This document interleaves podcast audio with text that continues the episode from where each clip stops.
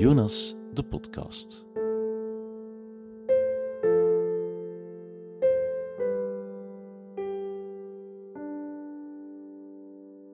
Dat ik het me herinner, is dat er echt heel veel ruzie was. Uh, mijn kamer die, uh, die is boven de keuken en ik, ik hoorde echt enorm veel ruzie. En soms is uh, servies dat gegooid werd. Um, als kind was dat echt heel beangstigend. Ik weet nog hoe, als ze mij dat verteld hebben, dat ik heel happy gereageerd heb. Um, en dat ik vooral zei van, joepie, ik krijg alles dubbel. En dat ik vooral ook zei dat ik oké was en dat dat voor mij allemaal goed was. En dat dat eigenlijk een schijn was van wat ik voelde. Want ik voelde van alles dat ik nog nooit gevoeld had. En ik wist niet hoe dat ik daarmee moest omgaan. Het heeft dan ook een aantal jaren geduurd dat ik voor het eerst kenbaar gemaakt heb dat ik daar kapot van was en dat ik niet wist hoe dat ik met mijn angst en mijn verdriet en mijn woede dat ik daarmee moest omgaan. Dat heeft echt super lang geduurd tegen dat ik besefte dat dat oké was om je, om je zo te voelen, om dat te uiten. Maar ik denk dat ik ook ergens opgelucht was, dat er ruzies gedaan waren, um, dat, ik, dat ik dat niet meer moest aanhoren. Ja, dat was een hele moeilijke periode. Je luistert naar Jonas, de podcast waarmee we jongeren en ouders willen ondersteunen aan scheiding. Wij, dat zijn Sophie en Vanessa. Sophie is advocaat en familiaal bemiddelaar. En Vanessa is klinisch psycholoog en therapeut. We vroegen een aantal mensen naar het echte verhaal van hun scheiding of van de scheiding van hun ouders. En met deze verhalen en ervaringen trokken wij naar een aantal experts in Vlaanderen en Nederland. Vandaag trokken we naar Brussel voor een gesprek met Bruno van Obergen, professor en dokter in de pedagogische wetenschappen, voormalig kinderrechtencommissaris en sinds maart 2019 is hij algemeen directeur van het Vlaams Agentschap Opgroeien. In 2019 kreeg hij ook een eredoctoraat aan de Universiteit te Hasselt en in maart 2019 ontving hij ook de Award Move tegen pesten.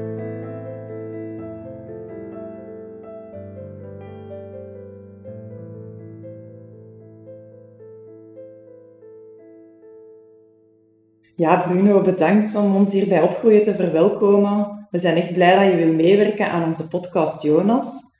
We vonden toch echt dat je niet mocht ontbreken als expert, omdat dat toch wel een thema is waarvan we denken dat je ons boeiende dingen kan vertellen. Het is wel een mooi project, hè?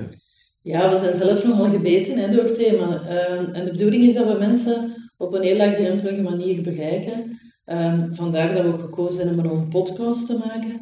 Uh, tussendoor gaan we ook fragmenten van verschillende mensen laten horen, omdat we eh, het heel belangrijk vonden om de mensen hun stemmen ook echt te laten horen. Dus Bruno, we weten het, we gaan vandaag hebben over scheidingen. Misschien een persoonlijke vraag. Mag ik daarmee beginnen? Ben je zelf al persoonlijk in aanraking gekomen met het thema scheidingen? Mm Ik ben zelf ook gescheiden. Al een hele tijd terug. Maar ja, dat is, ik, ik heb geen schroom om daarover te spreken. Omdat ik ook wel gemerkt heb hoe belangrijk het is om daar op een, op een goede manier mee om te gaan. En dat is niet simpel. Dat is denk ik voor niemand simpel. Dat is ook voor ons niet simpel geweest. Omdat je zit met, met kwetsuren. Hè.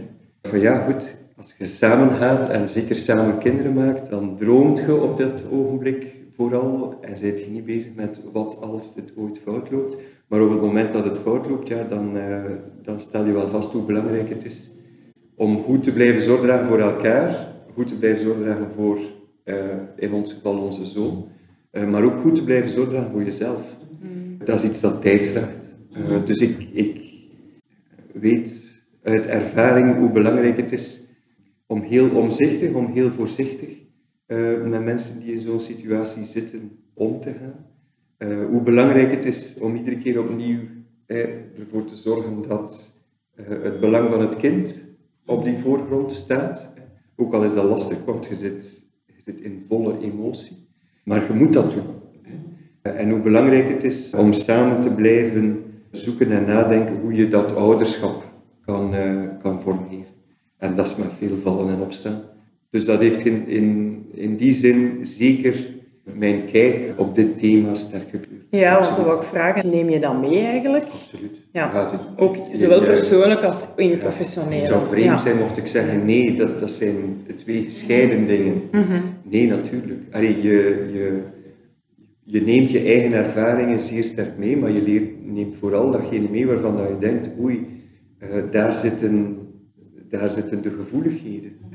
Ja, het is een thema waarvan ik mij kan voorstellen dat het wel aanwezig is in uw werk. Eh, de meeste mensen zullen u kennen als de vroegere kinderrechtencommissaris, maar ondertussen zijt je al een paar jaar directeur van het agentschap Opgroeien. Kun je misschien eerst even vertellen wat dat agentschap juist inhoudt en wat dat daar uw functie is? Wel, misschien eerst kort iets over opgroeien. Hè. Ehm, opgroeien bestaat op dit ogenblik al een goede twee jaar. Eh, en we zijn eigenlijk de fusie van kind en gezin en jongerenwelzijn. Eh, dat betekent dat wij op dit ogenblik als agentschap eigenlijk die heel brede range van min 9 maand tot eh, 25, hè, want we hebben een paar jaar geleden gezegd we gaan de jeugdhulp uitbreiden tot 25, dat wij ehm, beleid eh, meemaken voor deze groep. En, en waar keer op keer de insteek is kansrijk opgroeien. Dat betekent dat wij bezig zijn met kinderopvang, maar dat betekent ook dat we bezig zijn met de gemeenschapsinstellingen, dus de gesloten instellingen voor jongeren die een delict hebben gepleegd, maar evenzeer met jongvolwassenen eh, die het zeer moeilijk hebben in onze samenleving en nergens een uh, houvast vinden, maar absoluut dus ook met de jongeren die in contact komen met de jeugdrechtbank, jongeren die uh, met voorzieningen in contact komen. Dus het is, eigenlijk heel, heel breed. En um, mijn opdracht um, binnen dit verhaal, hoewel het is een collectief geschreven verhaal, maar ik hou mij vooral bezig met het inhoudelijk strategisch. Dus we zijn een, uh, een toekomstverhaal voor opgroeien aan het schrijven, waarin we die twee geschiedenissen, die twee tradities bij elkaar proberen brengen. En waarbij we zeggen van kijk, um, vanuit opgroeien willen wij heel sterk aansluiting zoeken met wat in onderwijs gebeurt, wat binnen de geestelijke gezondheidszorg gebeurt, wat binnen het um, Vlaamse agentschap voor personen met een handicap gebeurt, maar evenzeer als het over jongvolwassenen gaat. Wonen, werk. Um, en dus zoeken wij naar een manier om een verhaal te creëren waarin al die partners mee een rol kunnen krijgen. En dat is eigenlijk, zou je kunnen zeggen, wel mijn belangrijkste opdracht. En conflictscheidingen zelf, heeft dat daar een plaats? Jullie daar anders naar, van een andere aanpak eventueel? Wij worden daar natuurlijk op dit ogenblik het meest mee geconfronteerd binnen het kader van de sociale dienst van jeugdrechtbank. Ja. Dat is een thema dat daar heel sterk leeft en waar je dus ja, eigenlijk ziet dat uh, hoogconflictueuze uh, scheidingen, jammer genoeg, te vaak hè, een, een sterk juridische vertaling krijgen en een echte juridische strijd ook opleveren, wat denk ik voor kinderen vaak uh, het bijzonder moeilijk maakt. En dus willen wij vooral zoeken naar, op dit ogenblik zeggen we, laat ons zoveel mogelijk dat gaan dejuridiseren. Met hoe kunnen we zoveel mogelijk vermijden dat dat uh, iets is waar die sociale dienst zich mee bezighoudt? Kunnen we er niet veel meer hè, in dat voortraject krijgen? Bemiddeling uiteraard, maar evenzeer, kunnen we ook scholen, preventief eigenlijk gaan sensibiliseren, ja, om ervoor, ja. zowel met de ouders als met, als met de kinderen, rond te werken. Dus in die zin is dat inderdaad, ja, zeker daar, hè, bij onze sociale diensten op dit ogenblik een belangrijk thema, maar waar je ook ziet hè, dat daar heel wat frustraties rond zijn bij onze medewerkers, omdat zij ook wel zien dat ja, zij daar vaak staan op te kijken en zelf als, als consulent op zich niet zo heel veel kunnen, Mm. kunnen betekenen. Dus dat is uh, een thema waar wij zeker over nadenken en waar we dus zoeken naar hoe kunnen we ervoor zorgen dat veel minder kinderen en jongeren in dat Ja, begrijp ik. en Ja. veel meer eh, in die vroegere uh, fase uh, en waar, waar je vanuit een gedeelde verantwoordelijkheid, vind ik, als samenleving moet gaan nadenken wat doen we hiermee. Dat is echt wel een, een breder opzet van, uh, van heel dat toekomstverhaal van opgroeien. En dus zeker ook als het over, uh, over gaat. Ja.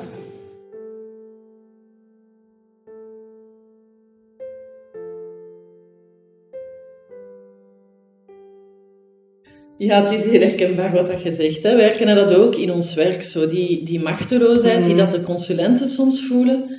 En zo dat blijven zoeken hè, naar wie moet hier wat doen, wat kunnen we hier nog meer doen en hoe geraakt je eigenlijk bij dat kind. Dat was ook op het kinderrechtcommissariaat al zo. Hè. Allee, de medewerkers op het kinderrechtcommissariaat die daarmee bezig waren, ja, die stonden soms, zaten soms ook met de handen in het haar. Van ja, wat, wat, wat kunnen wij hier nu nog in betekenen? Want je ziet echt kinderen gewoon, je ziet ze zo verdwijnen. Hè. Ze, ze, ze verliezen elke zichtbaarheid. Ehm, en op de duur maken ze zichzelf onzichtbaar, omdat ze het gevoel hebben dat ze goh, eigenlijk niet zo heel veel meer te betekenen hebben voor de mensen in een directe omgeving. En dan zit je daarop te kijken en dan denk je, ja, kunnen we hier gaan mobiliseren? Ja, ja, ja.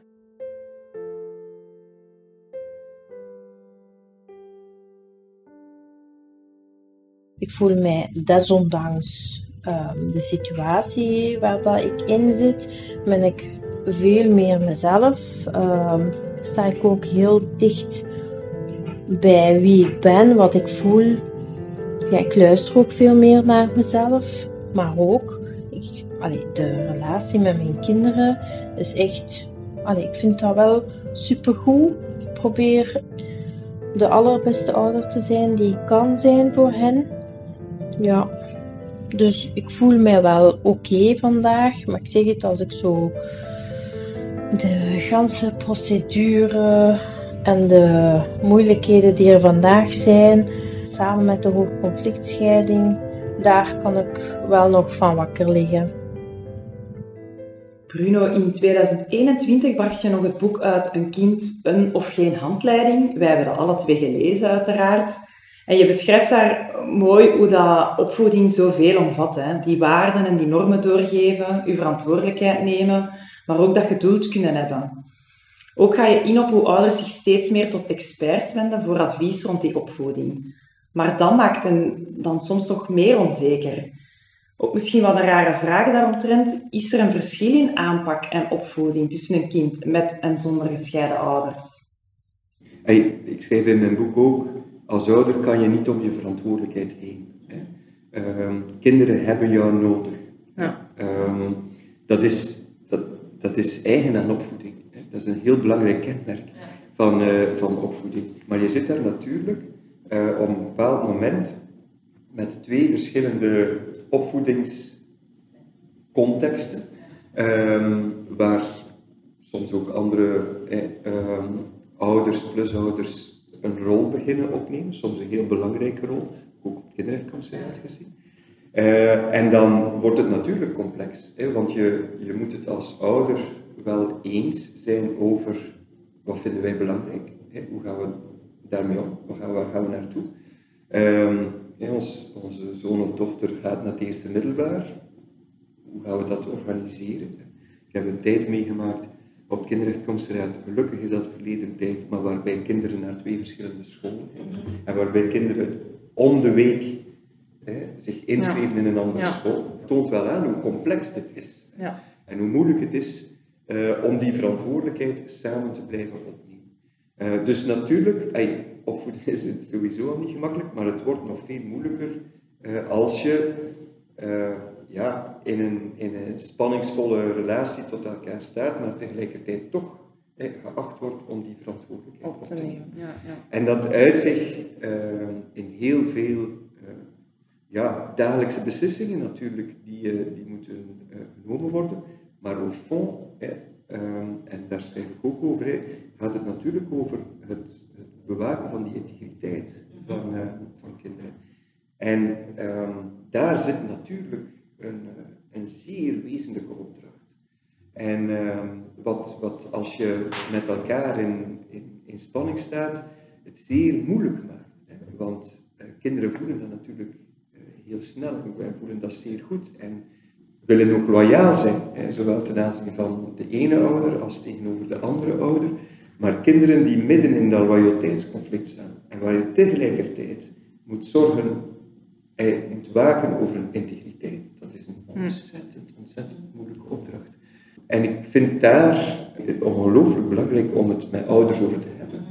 Want ja, je legt daar wel uh, de basis voor een, een, uh, een gezonde identiteitsontwikkeling.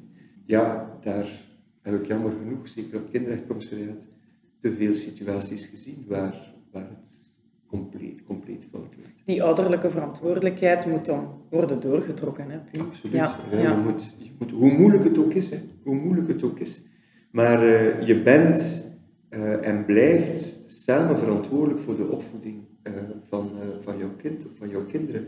En op het moment dat kinderen, zeker op jongere leeftijd, sterk uiteenlopende boodschappen krijgen, ja, dan verliezen zij natuurlijk ook wel een grond en een vast. En als ouder ben je toch verantwoordelijk om, om die grond en dat vast te geven. En je, kinderen leren zich de wereld toe-eigenen. Ze, ze lopen rond, ze zoeken. Ze worden vandaag sowieso al met heel veel verschillende boodschappen geconfronteerd. En als ouder heb je toch ja, belangrijke opdracht om daar wat, wat, wat zekerheid, wat structuur in te bouwen. Ook al moeten, kunnen ze dat dan op later leeftijd allemaal wel wat weer loslaten. Maar je kan toch een, een 8, 9-jarige niet de wereld insturen en zeggen en, en, en die zegt dit allemaal en die zegt dat allemaal en zoek het nu zelf maar uit. Ja, ik hoor het u graag zeggen. En ik denk dat in veel situaties dat ook wel lukt, hè, om dat samen te doen, gelukkig. Uh, maar ik heb toch ook zo de bedenking, verwachten we daar dan niet heel veel van van ouders? Want je gaat toch ook uit elkaar, omdat je voelt dat je op een bepaald moment heel anders in het leven staat. Ja, soms hebben we elkaar veel pijn gedaan, maar soms is het toch ook gewoon het besef van, ja, de waarden en de normen zijn niet meer dezelfde. En ouderschap is toch zoiets heel authentiek. Hoe doe je dat dan? Hè? Samen met iemand die dan zo verschillend is of zo erg veranderd is. Eigenlijk moet je dan toch een beetje een stukje boven jezelf ja, uitsteken. Ja, want in perspectief van de ene ouder neemt hij of zij wel die ouderlijke verantwoordelijkheid, maar de andere dan niet. Dus dan botst dat toch eigenlijk. Ja, het is te zien hoe, dat je, daar, ja. Hoe dat je daarmee omgaat, vind ik. Hè.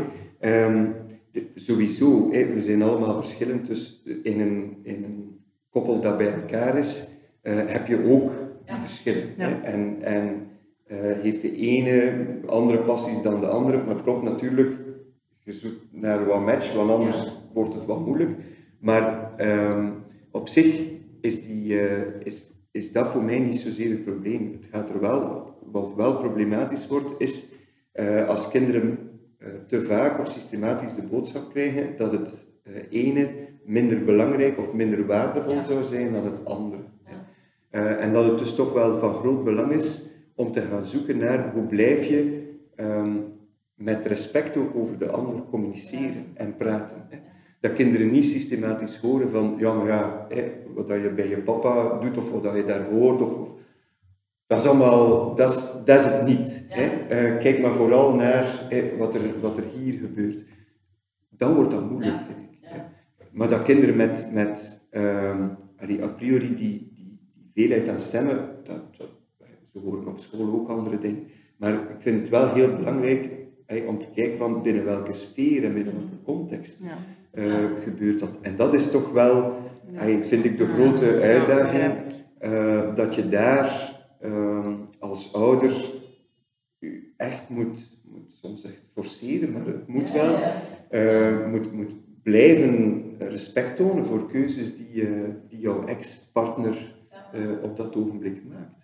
Ja, je krijgt dan natuurlijk situaties dat ouders zich ook heel erg gaan forceren hè, om dat te doen en uh, omdat ze goed willen doen. Maar ja, kinderen kennen ook hun ouders en die voelen dat toch. Hè. Ik herinner me zo een situatie van een meisje dat mij zo zei van Elke keer als mijn, papa iets mijn mama iets positiefs zegt over mijn papa, dan zie ik hoe dat ze op haar tanden bijt. En dan weet ik zo niet, ja, wat dat ze zegt, is dat dan ook wat dat ze voelt? Ja, maar dat is ook die oprechtheid. Hè?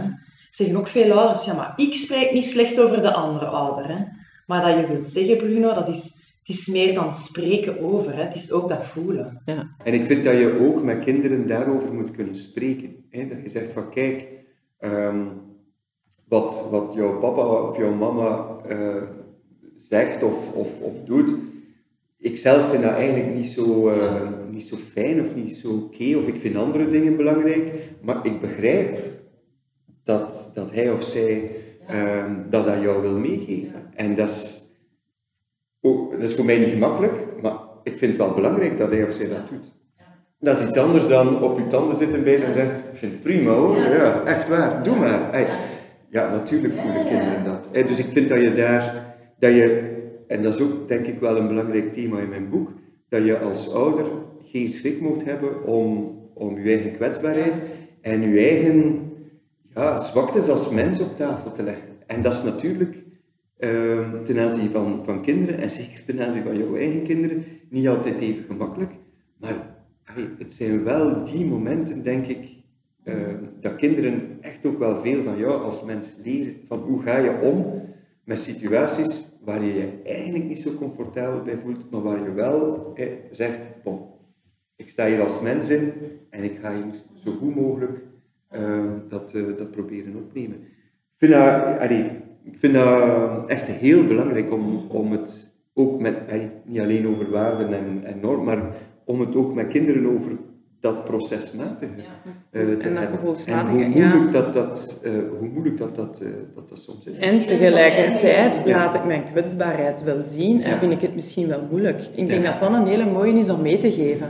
Als die kwetsbaarheid eigenlijk ook kunnen tonen. Ik denk ook zo'n mooie passage is in uw boek. Ja. Echt en, zo, en, ja. en als het lukt, zou je zelfs kunnen zeggen tegen jouw ex-partner van kijk, ik heb met onze zoon of dochter dat gesprek gehad. Mijn mama vooral heeft alles gedaan uit het belang van het kind. Dat denk ik sowieso. Die heeft zich voor alles gesmeten alleen. Die heeft er alles voor gedaan om geen problemen, geen ruzies en vooral ook niet te veel aanpassingen te hebben. Um, dus ik vind dat zij vooral aan het belang van het kind. Mijn papa heeft absoluut niet aan het belang van het kind gedacht, want hij heeft gezegd: jullie hebben mij niets meer nodig. En hij is vertrokken. Dus hij heeft totaal geen rekening gehouden met iemand anders op dat moment. Ja, een van de dingen waar we het zeker met u wouden over hebben, is zo de term de belang van het kind. Iedereen die in contact komt met scheidingen, spreekt heel vaak over het belang van het kind. Er zijn heel veel situaties waarin dat een mama echt heel overtuigd is van ja, ik maak die keuze in het belang van mijn kind. En de papa die is daar dan ook overtuigd en toch maakt hij een andere keuze. Ze, ze, ze, vinden eigenlijk iets anders, ze vullen het anders in en dan leidt dat tot conflict. Ehm, in uw boek, Bruno, hebben we gelezen dat jij niet spreekt over het belang van het kind, maar dat je dat zo verwoordt als integriteit. Kun je eens even uitleggen wat dat dan juist betekent, zo, die integriteit van het kind, waar dat voor staat? De integriteit eh, van het kind is voor mij eigenlijk de toetssteen in onze omgang met kinderen. Dat is, voor mij is integriteit eigenlijk de, de vertaling van, van de kern wat in het kinderrechtenverdrag staat. En integriteit gaat dus voor mij om het, het recht van het kind om niet geschonden, om niet gekwetst te worden. Dat gaat natuurlijk over fysische integriteit, psychisch, seksueel, ook moreel. Uh, die vier vormen van integriteit die ook in onze grondwet staan. Hè. De Belgische overheid heeft op een bepaald moment gezegd, we gaan het kinderrechtenverdrag vertalen naar onze grondwet. En we zetten dus uh, integriteit als kapstok in de, in de grondwet. En voor mij is dat eigenlijk uh, een ontzettend belangrijke kapstok. Het is geen gemakkelijk begrip, maar voor mij gaat het, zitten daar op zijn minst twee bewegingen. Hè. Kinderen moeten voor zichzelf uh, de ruimte krijgen om uh, een veilige omgeving te hebben. Een omgeving waarin ze weten dat ze dus niet aangetast uh, zullen worden in hun, in hun integriteit. Dat ze, ze niet gekwetst zullen worden. Daarnaast, vind ik, hebben wij als volwassenen, ook als ouder, maar evengoed als, als leerkracht, als opvoeder, als grootouder, whatever, de opdracht om daar een actieve rol in te spelen. Dus kinderen kunnen dat niet allemaal zelf. Het is van heel groot belang om daar gevoelig voor te zijn, om daar alert voor te zijn, om kinderen goed te lezen en om dan te zoeken naar hoe kan ik daar nu gepast op reageren, zodanig dat kinderen in staat zijn om die integriteit te handhaven. En dat we dat dus samen doen. Uh, dat is voor mij integriteit. En dat ja, je, je ziet dat op veel terreinen. Maar in het boek geef ik bijvoorbeeld, het is voor sommige mensen misschien zo iets, iets waarvan ze denken, kom aan, waar, waar zouden we nu mee bezig? Maar het voorbeeld van het familiefeest, waar uh, kinderen aangeven van nee, die tante of die onkel wil ik absoluut geen kus geven. Ah, ja. En, um, en waar je dan ziet, ja, als ouder een beetje ongemakkelijk, hè, want ja, wat moet ik hier doen? En dan zie je dat sommige ouders zeggen, kom aan, hè, duwen. Pushen, pushen, ja. Uh, hij gaat hier iedereen uh, een kus geven. Um, terwijl ik allee, wat mij betreft, eh, kinderen absoluut. Uh, moet mogelijk zijn om te zeggen, nee, dat wil ik niet, dat doe ik niet. Want sowieso weet je dat het vermoedelijk wel vanuit een negatieve ervaring zal, uh, zal komen. Het is niet allee, dat ze van in het begin iemand zullen viseren, maar ze zullen iets, iets gevoel hebben waarvan ze zich niet, niet comfortabel, niet veilig bij voelen. Dan vind ik dat je dat moet respecteren. Uh, hoe lastig dat dat op zo'n moment uh, ook is. Vind ik van groot belang. dat we daar als samenleving, maar ook als, als elke volwassene apart, echt een gevoeligheid uh, ja. voor hebben. want kinderen zijn, ja, je kan, je kan daar kinderen echt ongelooflijk mee kwetsen. Ja, ik hoor u zeggen, Bruno, het recht van kinderen dat ze niet gekwetst worden, niet gekrenkt worden in die integriteit. Maar zo'n scheiding van uw ouders, dat is echt sowieso al pijnlijk. Je kan dat hè, op een heel goede manier proberen te doen, maar dat blijft toch een keerpunt in het leven van hen, van die kinderen. Dus die kwetsuren, dat is er al een stukje. Maar hoe ga je dat dan vertalen naar verblijfsregelingen? Want ja, we zitten in, in een context van rechten van kinderen, uh, rechten en plichten van ouders. Hoe kan je nu net die integriteit bewaken van kinderen in een conflictscheiding? Want dat is toch zo verschrikkelijk moeilijk, lijkt me dan. Dat is heel moeilijk, maar ik vind het al belangrijk als mensen zich bewust zijn van het bestaan van die integriteit. Want er zijn gewoon al veel mensen die zich dat niet realiseren. Zeker als het, als het om kleine kinderen gaat, hè, waar zo ja, toch nog van tot op vandaag bij heel veel mensen sterk gevoel heeft van ja, dit kind is er hier bij gratie van, van wat ik bepaal. Ja. Uh, en ik ben hier degene die zal zeggen hoe het hier allemaal in elkaar, loopt, eh, in elkaar zit en hoe het moet verlopen. Ik vind zelfs bij heel jonge kinderen dat je, dat is dat lezen. Hè. Eh, ik vind dat je, dat je moet, ook als ouder, zeer goed gaan kijken van bepaalde zaken die gebeuren, wat doet dat met mijn kind? Wat is de impact daarvan op mijn kind? En als je ziet dat kinderen zich gewoon helemaal in elkaar kruipen, dan soms ook gewoon fysiek, mm. dan weet je dat je niet goed bezig bent. En, en dan moet je zoeken naar andere antwoorden. En dat is voor mij, allee, dat gaat natuurlijk, die integriteit, wat ik daarnet zei, als dat over dat fysieke gaat, ja, kinderen die met geweld geconfronteerd worden, en jammer genoeg ook binnen hoogconflictueuze echtscheidingen, zie je toch dat kinderen vaak met geweld worden geconfronteerd. Ja, dat is al duidelijk dat dat iets is wat we absoluut moeten, uh, moeten vermijden. Uh, maar evenzeer als dat om, om die psychische of zelfs die morele integriteit gaat. Want als kinderen, wat we daarnet zeiden, systematisch geconfronteerd worden met ja, hoe in hun nabijheid op, een, op een vernederende manier over mensen wordt gesproken, die eigenlijk in hun omgeving een belangrijke rol, uh, rol spelen, ja. ja. dan wordt het wel zeer moeilijk. Zelfs in het onuitgesprokene uh, zit ongelooflijk veel. En kinderen, heel wat kinderen lezen dat zeer snel. En voelen van, hm, dit gaat over mij, of dit gaat over mijn papa, of dit gaat over mijn mama, of dit gaat over iemand die ik belangrijk vind, het gaat over mijn oma of mijn opa. Ja. En dat soort, ik vind, dat is voor mij. Uh, die integriteit. En dat inzicht hebben dat daar de toetssteen ligt. en voor mij is dat een zeer mooie vertaling van het belang van het kind.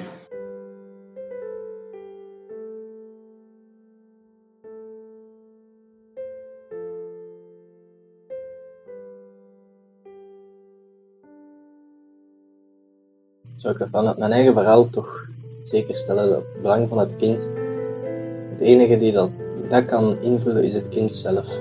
Dus uh, praten met het kind en luisteren, vooral luisteren naar wat dat hij zegt. Um, hoe jong of hoe oud het kind dan ook mag zijn.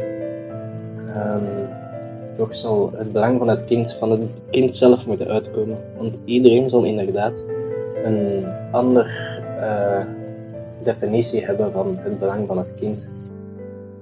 Ja, ik, ik, ik denk dat uh, het belang van het kind heel, heel vaak een lege doos is en alleen maar gebruikt wordt om te manipuleren, om uh, je eigen zin te krijgen, terwijl het eigenlijk zou moeten doelen.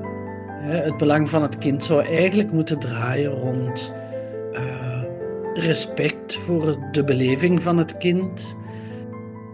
In het belang van het kind, ja, dat heb ik echt veel gehoord. Ik denk dat het eigenlijk nooit in mijn belang is geweest, maar um, in het belang van het kind, dit, ik vind dit, een, moeilijk, omdat ik heb niet echt het gevoel gehad dat het echt in mijn belang is geweest. Het belang van het kind is voor mij um, dat het kind volledig zichzelf kan zijn en zich uh, op een speelse manier volledig kan ontwikkelen in een veilige omgeving. Um, dus niet in een ruziende omgeving waarbij ouders um, niet meer met elkaar willen praten, uh, maar dat dat gewoon op een volwassen manier kan gebeuren. En ook, dat vind ik ook heel belangrijk, dat het kind niet de communicator wordt tussen uh, moeder en vader. Want dat is toch ook iets wel dat ik vrij vaak hoor dat zou tussen de moeder en de vader zelf moeten gebeuren en de communicatie zou zeker niet alleen via het kind moeten verlopen.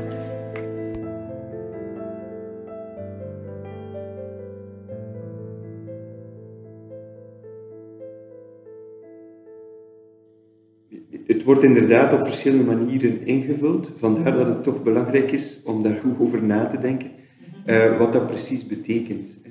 Op zich vind ik, kan je eenmaal je zegt, bon, vertrekkend vanuit die, die integriteit, laten we gaan kijken naar wat dit allemaal zou kunnen betekenen en wat de randvoorwaarden of de voorwaarden zijn om dit mogelijk te maken. En je hebt daar natuurlijk, vind ik wel, goede oefeningen rond. Niet alleen binnen het kader van, eh, van echtscheidingen, als ik bijvoorbeeld zie, in, in heel de discussie rond, rond vluchtelingenkinderen is dit ook eh, een thema. En dan, dan merk je dat men daar allerlei um, subthema's begint te maken van is er daarop gelet, is er daarop gelet, is er daarop gelet. Participatie bijvoorbeeld. Hebben mhm. kinderen de kans gehad om van zich te laten horen. Denk ik, binnenkomt, eh, hoor je hier ook. Hè. Uh, zo belangrijk. Maar evengoed, uh, als dat gaat over um, wat ik daarnet zei, het ontbreken van geweld. Als dat gaat over het kunnen invullen van de tijd, eigen tijd. Ik denk dat het op zich zet een aantal mensen samen en laat hen nadenken over wat is dat belang van het kind.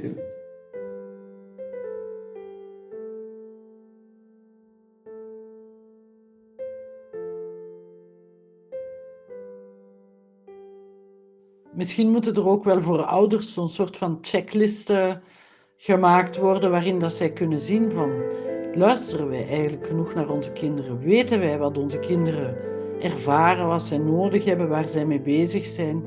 Zulke dingen. Dat zou wel goed zijn, denk ik. Moesten ouders uh, één daarop aangesproken worden en twee dat op de een of andere manier kunnen checken met of zonder hulp. Ja, op het moment dat je aan ouders vraagt om verantwoordelijkheid op te nemen, dan heb je natuurlijk wel baat bij wat kapstokken. En dan denk ik dat zo'n instrument wel kan helpen hè, om ouders te laten reflecteren en om concrete afspraken te maken rond hoe gaan we dat hier nu gaan doen. Maar ik denk dat er velen ook zo denken van ja, of als al een hele procedure zijn gepasseerd, ja, dat is toen uitgemond in dergelijke procedure van hadden we toen maar die handvaten. Ik vond het zo mooi dat je het daar straks ook gezegd hebt van we proberen ook in te zetten in het begin van het verhaal, om zo te mhm. zeggen, en op het einde. Ja. En dat is ook zo wat ons stukje en wat we graag willen ja, teweegbrengen van kijk, ja.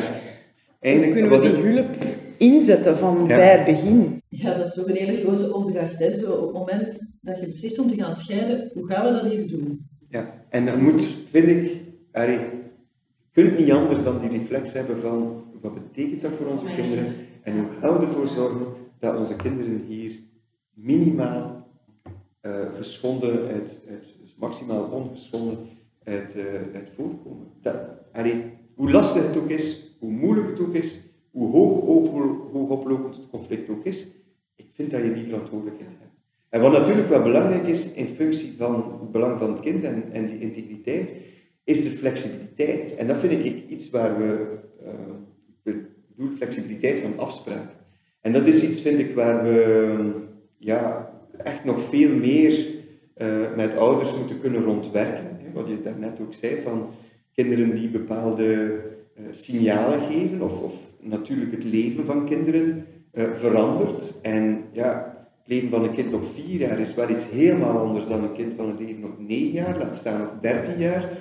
En dat je dan ziet van ja, men legt iets vast. En dan lijkt dat zo de, de metronoom voor, voor de komende tien jaar te zijn. Ja, ja. En ik vind dat iets wat we ook wel aan ouders zeer goed moeten meegeven. Je, je, legt, je maakt afspraken, maar weet dat dat uh, eigenlijk afspraken zijn die zich zouden moeten kenmerken door een flexibiliteit. En een flexibiliteit die mee ingegeven wordt door, hoofdzakelijk ingegeven wordt door het belang van het kind. En opnieuw altijd die integriteitstoets. Want als een kind zich niet goed voelt op school, uh, ja, dan ga je misschien op zoek moeten gaan naar een andere school. En dan kan je dat praktisch zeer slecht uitkomen. Maar je gaat, als je samen zou geweest zijn, zou je dat misschien ook gedaan hebben. Dus je, al dat soort kwesties hoe, echt nog een keer, hoe moeilijk dit ook is, maar het, het, het is wel onze opdracht als ouder. Jonas, de podcast.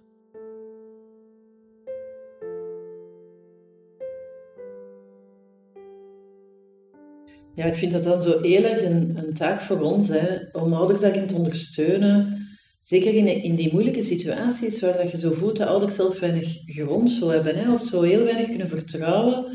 Als ik mijn kind nu wat loslaat, ja, dan komt hem wel terug of zo. Dat ze zo zeker kunnen zijn in... Ik heb hier eigenlijk de voorbije jaren echt wel genoeg geïnvesteerd in die relatie. En dat zit wel goed, ook al zijn ze een, een dag minder bij mij. Of, ah, ik heb dat toch al vaak bij ouders gezien, dat dat zo heel vaak vertrekt vanuit zo die eigen onzekerheid en angst. En ja, ik moet die week-weekregeling hebben en ik moet mijn kind evenveel zien mm, om even mm. belangrijk te zijn. Ja, ja, ja. Of ik, ik, zie dat eigenlijk ook soms omgekeerd. Als ze dan die week-weekregeling bijvoorbeeld hebben, ja, dan willen ze dat ook niet loslaten. Daar zit dat juridische stukje dan. Hè. Ze hebben een vonnis. Ja, daar kunnen we nu niet meer van afwijken. Ja, ja. ja um, ik vind ook wel, en dat is iets wat we misschien algemeen ook te weinig doen. Je moet, je moet uh, heel sterk werken op de kwetsuren die ouders hebben. Je, kan, je kan ouders heel moeilijk bewegen tot dit soort reflexen of tot dit soort kijk, mm. als, als ze zelf hun, kwets, hun kwetsuren niet hebben aangepakt. dat, dat is voor mij echt cruciaal. Dat is iets wat wij op dit ogenblik uh, binnen de jeugdhulp ook, we hebben verschillende projecten daar ontlopen, steeds meer ons realiseren kunt je niet tegen ouders zeggen, we gaan u allerlei vormen van opvoedingsondersteuning geven en we gaan u helpen. Ondersteunen. Als daar kwetsuren zitten, uh, bepaalde trauma's zitten, die je niet aanpakt. Je moet, wij zeggen nu soms zelfs eerst, je moet eerst met die trauma's en kwetsuren werken, vooraleer eh, je de stap kan gaan zetten naar, um, bon, wat betekent dat nu in je relatie met je, met je En dat is denk ik echt ook wel, ja, ook binnen het kader van, van bemiddeling vind ik iets dat wat je met ouders veel meer bespreekbaar zou moeten. Ik, ik zie vandaag ouders in mijn omgeving eh, waarvan ik zeg, ja, je moet, en soms als ik zo goed ken, zeg ik het dan ook van, je gaat echt ook wel eerst met jezelf moeten werken hoor. Je gaat echt wel, vooraleer dat je tot, tot een beetje een, een, een meer normale relatie met je ex-partner mm. komt en vooral in een, in een gezonde relatie met je kinderen kunt gaan stappen, ga je echt wel eerst iets met jezelf moeten doen. En dat is niet, niet beschuldigend, helemaal niet, hè, maar ik heb zelf ook wel gemerkt, hey, dit, dit, dit, is een, dit, dit is een ernstige kwetsuur, want je, hoe, hoe dat je het ook draait of keert, maar dit is iets wat je zelf beschouwt als een mislukking. Ik heb gefaald. Hm. En ik heb gefaald en ik heb daarmee nogal wat mensen uit mijn directe omgeving pijn gedaan. Hè. Toen bij, bij mijzelf pijn, maar ik heb ook mensen in mijn directe omgeving pijn gedaan. En je, dat moet je wel een plek leren geven. En zolang dat je dat niet doet, gaat je, echt, je raakt geen stap verder.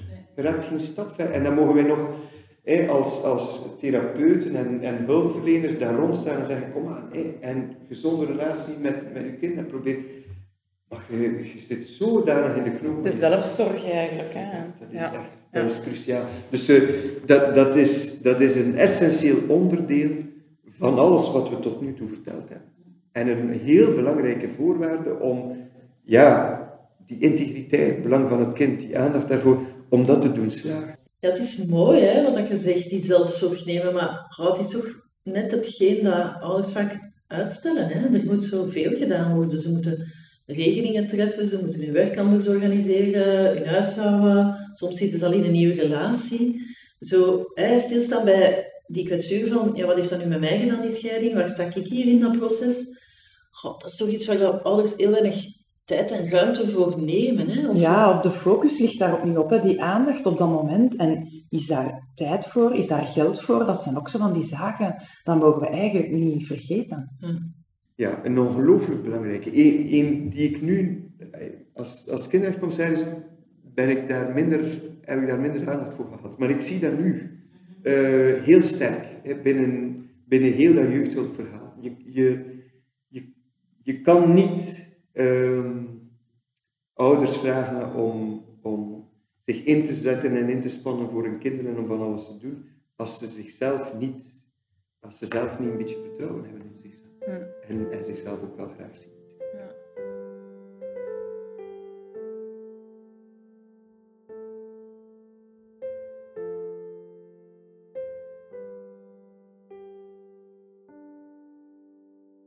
De scheiding en vooral de breuk met de kinderen heeft een diepe wonde nagelaten bij mij. Dit heeft nog steeds een effect op mijn leven. Ook mijn huidige relatie loopt daardoor niet altijd op wieltjes.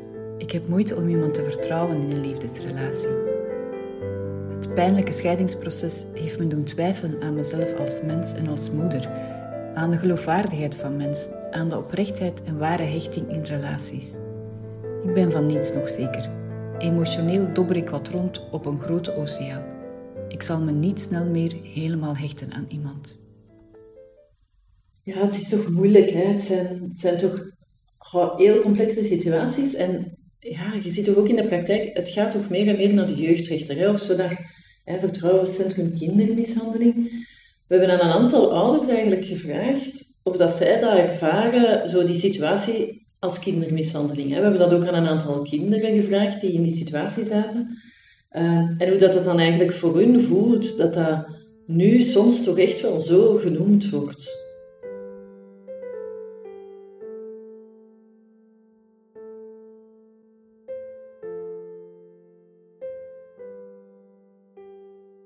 Ik vind dat wel zware termen. Um, ik ben er wel van overtuigd dat een kind daarvan kan blijven afzien als zij dat meenemen, dat dat zijn littekens achterlaat bij Het is een hele moeilijke. Um, kindermishandeling, nee, omdat ergens de ouders zitten ook in een relatie en die hebben ook een verlies. En ik denk, hoe draait of keert hoe dat je wilt, niemand begint in dit proces. Niemand wil dat ook of gaat dat graag doen of gaat zich daarin inleven. Um, ik snap wel dat het een traumatische ervaring kan zijn. En een misbruikende situatie als de ouders in een vechtscheiding gaan of op elkaar zitten fietsen, wat in mijn geval niet is geweest.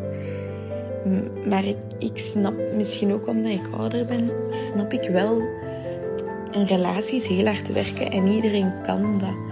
En dat is heel, heel erg jammer als dat moet gebeuren.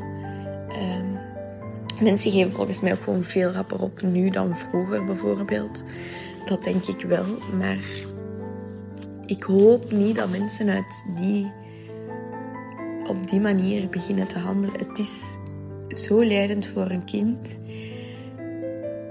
Maar om het op mishandeling te plaatsen, ik vind dat een beetje een moeilijk woord, omdat de ouders ook in verlies zijn op dat moment, allebei. En ik, die gaan nooit gewillig hun kinderen kwetsen op die situaties. Dus ik vind het een moeilijk woord om te zeggen. Het is mishandeling van de kinderen. Het is kwetsend, het is dus traumatiserend, het is verliezend voor de kinderen. Maar in mijn ogen is mishandeling echt met het doel op kinderen pijn doen, kinderen mishandelen en met het doel op ik ga slecht doen. En in een scheiding is dat het doel niet. Ze zijn eigenlijk gewoon allemaal aan het verliezen. Ja, ik vind dit heel duidelijk kindermishandeling. Ik ben, uh, dat weet ik wel zeker, complex getraumatiseerd geweest door de scheiding van mijn ouders. En ik heb heel, heel lang nodig gehad om dat uh, één te beseffen, twee daar uh, overheen te komen en drie dat in dezelfde categorie te plaatsen als kindermishandeling. Ja, dat komt binnen. Hè? Wat vind jij, Bruno? Mogen we dat kindermishandeling noemen? Op het moment dat je uh, die term kindermishandeling gebruikt, um, wordt, het, wordt het heel, heel moeilijk, denk ik, om, om nog een gesprek in, ja, in alle rust en respect uh, te hebben. Wat niet betekent um, dat sommige situaties die ik nu zie, maar ook als kinderrechtcommissaris meegemaakt heb, dat ik echt vind van dit is, dit, is echt niet oké. En je moet hier, je moet hier, moet hier ingrijpen, want, want uh, mensen maken zich kapot. Mensen maken hun kinderen kapot en mensen maken zichzelf helemaal kapot. Dus je moet die rust daar krijgen. Uh, en dan moet je, denk ik, soms zeer ingrijpende maatregelen durven nemen. Maar keer op keer, en dat is toch iets wat we hier ook bijvoorbeeld via Science of Safety doen, keer op keer vanuit de idee, we blijven, ook al is het heel moeilijk en zeer verontrustend, maar we blijven zoeken naar waar liggen mogelijkheden, waar liggen die krachten, hoe kunnen we er toch voor zorgen dat uh, die ouders uh, de regie van die hulpverlening blijven in mee in handen houden. Dat, dat is, vind ik echt ook wel onze, onze plicht vandaag, vanuit de hulpverlening dan. Maar er zijn uh, ongetwijfeld situaties waar je, waar je zeer ernstig moet ingrijpen.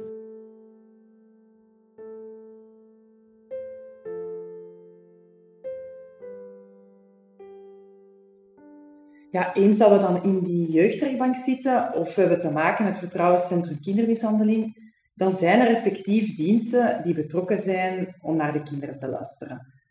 Maar ja, in de familierechtbank momenteel, dat is er niet of dat is er misschien te weinig. Er is ook geen jeugdadvocaat hè, in procedures bij de familierechtbank. Ja, en in Nederland heb je dan zo uh, een aantal jaren geleden dat dat model ontwikkeld is van de kindbehartiger. Hè. Ik weet niet of je dat kent, maar dat is dan zo... Dat zijn mensen die eigenlijk opgeleid worden om echt in die procedures voor de rechtbank de stem van het kind te gaan verwoorden. Vinden dat we dat in Vlaanderen ook nodig hebben? Zo moeten we denken aan een Vlaamse versie van een kindbehartiger? Je moet wel zeer goed nadenken over hoe dat tot stand komt. Hè? Want ik zie vandaag uh, organisaties opstaan die dan hè, zich presenteren als als je iemand zoekt. Ja. Dan zou je daarvoor bij ons terecht kunnen. Ja, merk dat dat voor kinderen en jongeren niet zo evident is. Van, komt daar dan zo plots in, in ons leven? Als het, kinderen, als het iemand is waar kinderen en jongeren al op voorhand mee vertrouwd zijn, moet je toch heel voorzichtig dat soort keuzes maken. Hè? Want heel snel is er toch een dynamiek van, ja, maar dat is een persoon die voor die partij. Dus het is, het is zo, zo delicaat. Waar ik wel voorstander van ben, is, of waar ik vragende partij voor ben, is laat dit ook minderjarigen opnemen. Uh, want je ziet dat zeker jongeren hè, daar vraag, vragende partij naar zijn. Hè. En waarom zou een 16 of 17-jarige dit niet kunnen doen? Hè? Naast hun vriend of vriendin gaan staan en mee dat traject moet voor mij echt niet altijd een volwassene of laat staan een professional zijn. Dus ik vind dat we daar ook wel naar jongeren moeten luisteren, naar wie zou dit kunnen doen. En dan als het en dan merk je dat als het als het zo'n zo'n invulling krijgt, ja, dat dat wel zou kunnen werken.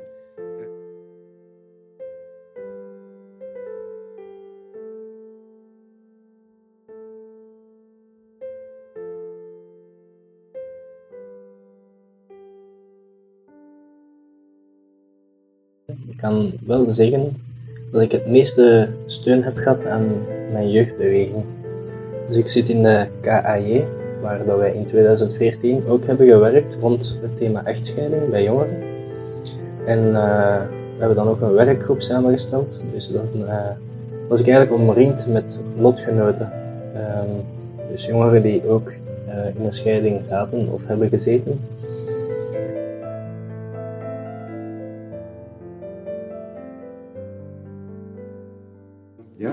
Dat je zegt, een, een leider in de jeugdbeweging. Uh, dat zijn, ik denk dat het heel belangrijk is om uh, ook daar hè, te gaan luisteren naar wat, wat kinderen en jongeren daarover vertellen.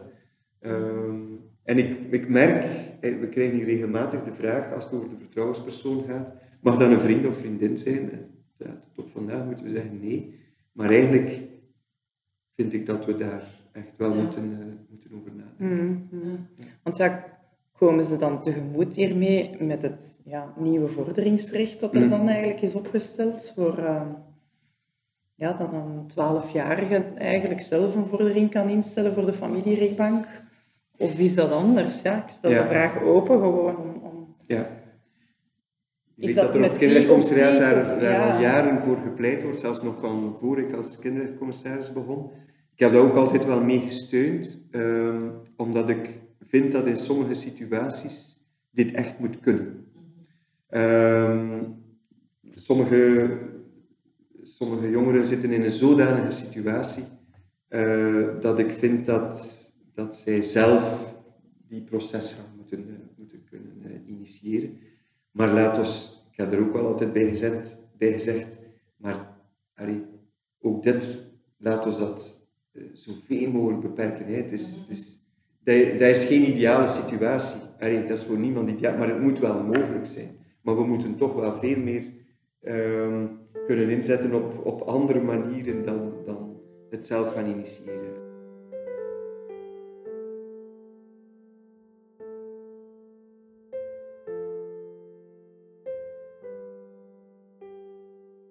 Ja, het is complex, we voelen wij dat ook. Er zijn heel veel mensen in betrokken. Het gaat over heel veel mensen. En jij stelt vanuit uw functie natuurlijk altijd het kind centraal. Uh, en tegelijkertijd komt het toch dag in dag uit ook in contact met heel verontrustende situaties. Hè? Ook vroeger als kinderrechtencommissaris. Het is toch altijd een confrontatie met dat lijden hè, van die kinderen en, en, en die positie van die kinderen. Lukt het u nog om zo mild te kunnen zijn voor ouders in een conflictscheiding? Um, tot op vandaag denk ik wel. Um, wat, wat, allee, wat voor mij cruciaal is, is uh, je zit hier met een, met een uh, vaak met heel complexe situaties. En in complexe situaties heeft het weinig zin om naar schuldigen te zoeken. Uh, want, want dan ben je zo snel geneigd om elke nuance te verliezen. Um, en om dus ook de complexiteit niet meer te erkennen. Dus uh, ik, ik hoed mij uh, voor hey, de reflex om te zeggen, de ouders zijn de grote schuldigen en we gaan, hier, uh, we gaan hier een keer duidelijk maken waar het op staat. Er speelt altijd van alles mee. Um, en dus dan moeten we, zeker als professionals, dat, dat, dat de buitenwacht uh, dan dat soort reflex heeft, is dan te begrijpen. Maar als professionals, vind ik, zijn we daar onszelf verplicht. Om, uh, om iedere keer opnieuw die complexiteit uh, te zien. Wat niet betekent, vind ik, dat je dus, net zoals andere partijen, um, ouders wel op hun verantwoordelijkheid mocht aanspreken. Maar dat is wel iets anders dan, dan dat... Allee, dan hen meteen in de hoek te zetten van de, van de, de grote schuldigen en de manier waarop je iemand op zijn verantwoordelijkheid aanspreekt. Um, omdat je het woord mild gebruikt, um, ik vind dat je, dat je zeer duidelijk en helder moet zijn, maar dat je keer op keer um, moet proberen de complexiteit te begrijpen. Dat is, dat, is, dat is onze opdracht. Wij moeten dat doen. En heb je zelf een evolutie gezien in die scheidingen, complexe scheidingen doorheen de jaren? Goh, eerlijk, uh, wij, op, wij hebben uh, een paar jaar terug 20 jaar kinderrechtcommissariat gevierd. En wat we toen gedaan hebben is gaan kijken naar wat, uh, wat zijn zo de klachten die de voorbije 20 jaar zijn binnengekomen. De eerste klacht die op het kinderrechtcommissariat binnen is gekomen was een klacht over conflictueuze, hoogconflictueuze echtscheiding. Twintig jaar later was onze vaststelling, dat zijn eigenlijk heel... We zien dit nog altijd ja, Dus op zich um, zie ik daar geen evolutie in. Wat wel um, veranderd is, uh, of, of nieuw is, is, is, het feit dat um, nieuw samengestelde gezinnen ook op een bepaald moment uit elkaar kunnen gaan. En de complexiteit die dat voor ouders, maar ook voor kinderen met zich meebrengt. Want goed, um, je had dan vijf jaar een plusmama waar je het eigenlijk fantastisch mee deed. Uh, waar je zeer veel van hield, die met jou overal naartoe ging en die mee ging naar het oudercontact enzovoort. En plots is die weg. En zegt jouw papa, geen contact meer. En zat je daar ook met uh, twee zusjes, waarvan je het heerlijk vond om die uh, één keer om de twee weken een hele week bij jou te hebben, want dat waren jouw spel, speelkameraadjes en daar deelde je van alles mee. En plots zijn die weg. Ja, dan wordt het wel complex. En dan, dan uh, dat is nieuw, vind ik. Uh, en dat dwingt ons om, uh, om na te denken over, over nieuwe dingen. En misschien daar ook die, weer die flexibiliteit. Hè? Wat, wat, wat, flexibiliteit, maar ook, uh, en daar, daar, ben ik echt wel een grote voorstander van, een, een juridisch gaan versterken van de rechtspositie van, van de nieuwe ouders. Ja. Ja. Dus wat we in Nederland hebben we een paar jaar geleden een zeer interessant rapport gehad van de Staatscommissie Herijking Ouderschap, die pleit voor een, een erkennen van de rechtspositie van, van plusouders. Ja. En ik vind dat we dat uh, vandaag in België echt wel ook moeten, uh, ook wel die discussie moeten Ja, voeren. absoluut. Ik vind iemand die vijf jaar voor een kind gezorgd heeft, daar kan je niet zomaar tegen zeggen. Ehm, zowel vanuit het perspectief van dat kind Ja. als vanuit het perspectief van die plusouder. Sorry, en nu, nu ben je helemaal niet meer van tel. Dus je moet naar een vorm van meer ouderschap kunnen gaan. En, en meer ouderlijk gezag. Maar je verwacht binnen het kader van dat meer ouderschap opnieuw dat elke betrokken ouder zijn verantwoordelijkheid opneemt en zoekt naar hoe kunnen we vanuit integriteit, vanuit het belang Ja. van het kind, dit ouderschap gaan En in gesprek gaan met het kind dan, hè, om te zien van, ja... Vandaar dat wij hier nu, ook, eh, ook bij opgroeien, steeds meer spreken over meer ouderschap. Ja, oké. Maar dat is in het kader. Ah, bij mooi, pleegzorg ja. heb je dat, bij adoptie heb Ja. je dat, en hier heb je dat ook. Ja. En dat, is, Dat nemen we mee. En ook wel heel belangrijk, en ook daar heeft men in Nederland gelukkig voldoende aandacht aan besteed, dat je kinderen ook in deze creatie een stem geeft. En dat dus in Nederland zegt men, kinderen vanaf acht jaar, pas op, er is nog geen wetgeving, het zijn ook allemaal maar voorstellen, maar vanaf acht jaar moeten kinderen hun fiat geven over, oké, ik aanvaard deze constructie. Dat is eh, misschien radicaal of, of een fel standpunt, maar het toont wel aan, vind ik, hoe belangrijk het is. Hey, kinderen mogen wel hun meerouders erkennen, zijn, hebben we toch wel vaak genoeg gezien. En tot op vandaag, dus vaak vragen de partij ook, om dat meerouderschap eh, erkend te Ja, mee betrokken te worden. hè.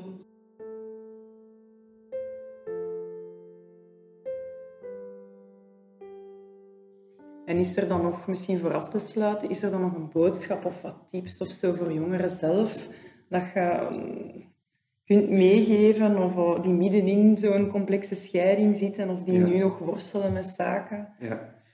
Wat, wat mij altijd ehm, enorm getroffen heeft als kinderrechtcommissaris toen ik met, met kinderen, maar ook met jongeren daarover sprak, was eh, het ongelooflijke schuldgevoel waar sommige kinderen en jongeren mee zitten. En ik vond dat altijd heel erg, eh, omdat, ja, er wordt daar boven hen vaak een strijd gevoerd en zij voelen zich zelfs dan nog verantwoordelijk voor die strijd. Ehm, en voor het feit dat, dat er van alles eh, misgelopen is en misloopt. En dat vind ik, ey, dat is misschien een, voor de hand liggend, maar ik vind dat zo belangrijk om aan, eh, aan kinderen en jongeren mee te geven van, ja, ey, laat, laat, laat u niet eh, bijna verteren door, door schuldgevoelens. Ehm, want het zijn, de verantwoordelijkheid, de grootste verantwoordelijkheid ligt ergens anders en ligt niet bij jou. Ehm, en dat vind ik echt heel belangrijk, dat kinderen dat, eh, dat, kinderen dat beseffen.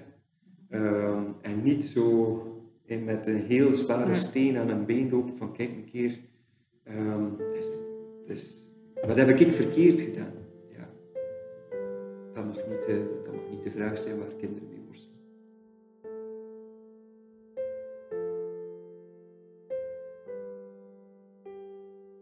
Ja, Bruno, ik heb het gevoel dat we nog uren kunnen praten, want ja, je raakt daar ook niet over uitgepraat. Hè? Vanessa, dat is zo, hè? Wij ook niet. Nee. ja, dank u wel hè, om mee te werken aan, aan onze podcast eh, en dat we tot hier mochten komen. En eh, ja, het was, het was fijn. Hè? We, we gaan er zeker veel uit meenemen. Ja. Ja, het is een belangrijk thema, hè. Eh, dus ik vind het ook gewoon wel fijn om daar blijvend samen over na te denken. Als je boze of blijde mails krijgt naar aanleiding van wat ik gezegd heb, mag je mij die altijd doorsturen. Ik zal die met veel Dat plezier doen we ook. beantwoorden. Ja. Dat was super. Dank u.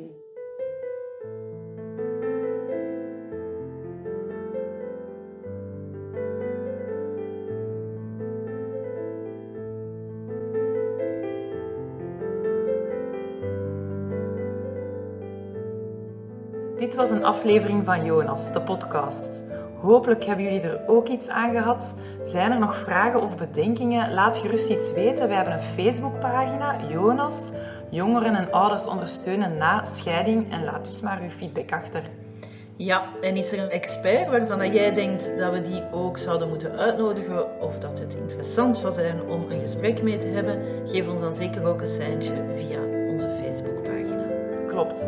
En uiteraard willen we ook nog wat mensen bedanken. In de eerste plaats zijn dat de jongeren en ouders die hun verhaal hebben gedaan en hun ervaringen hebben gedeeld met ons. Het is dankzij jullie eh, dat wij deze podcast konden maken. Daarnaast uiteraard ook de experts zelf. Die hebben de tijd genomen en die hebben ons echt wel nog wat meer inzichten gegeven. Ja, en als laatste natuurlijk de mensen die ons wat technisch geholpen hebben voor het maken van deze podcast.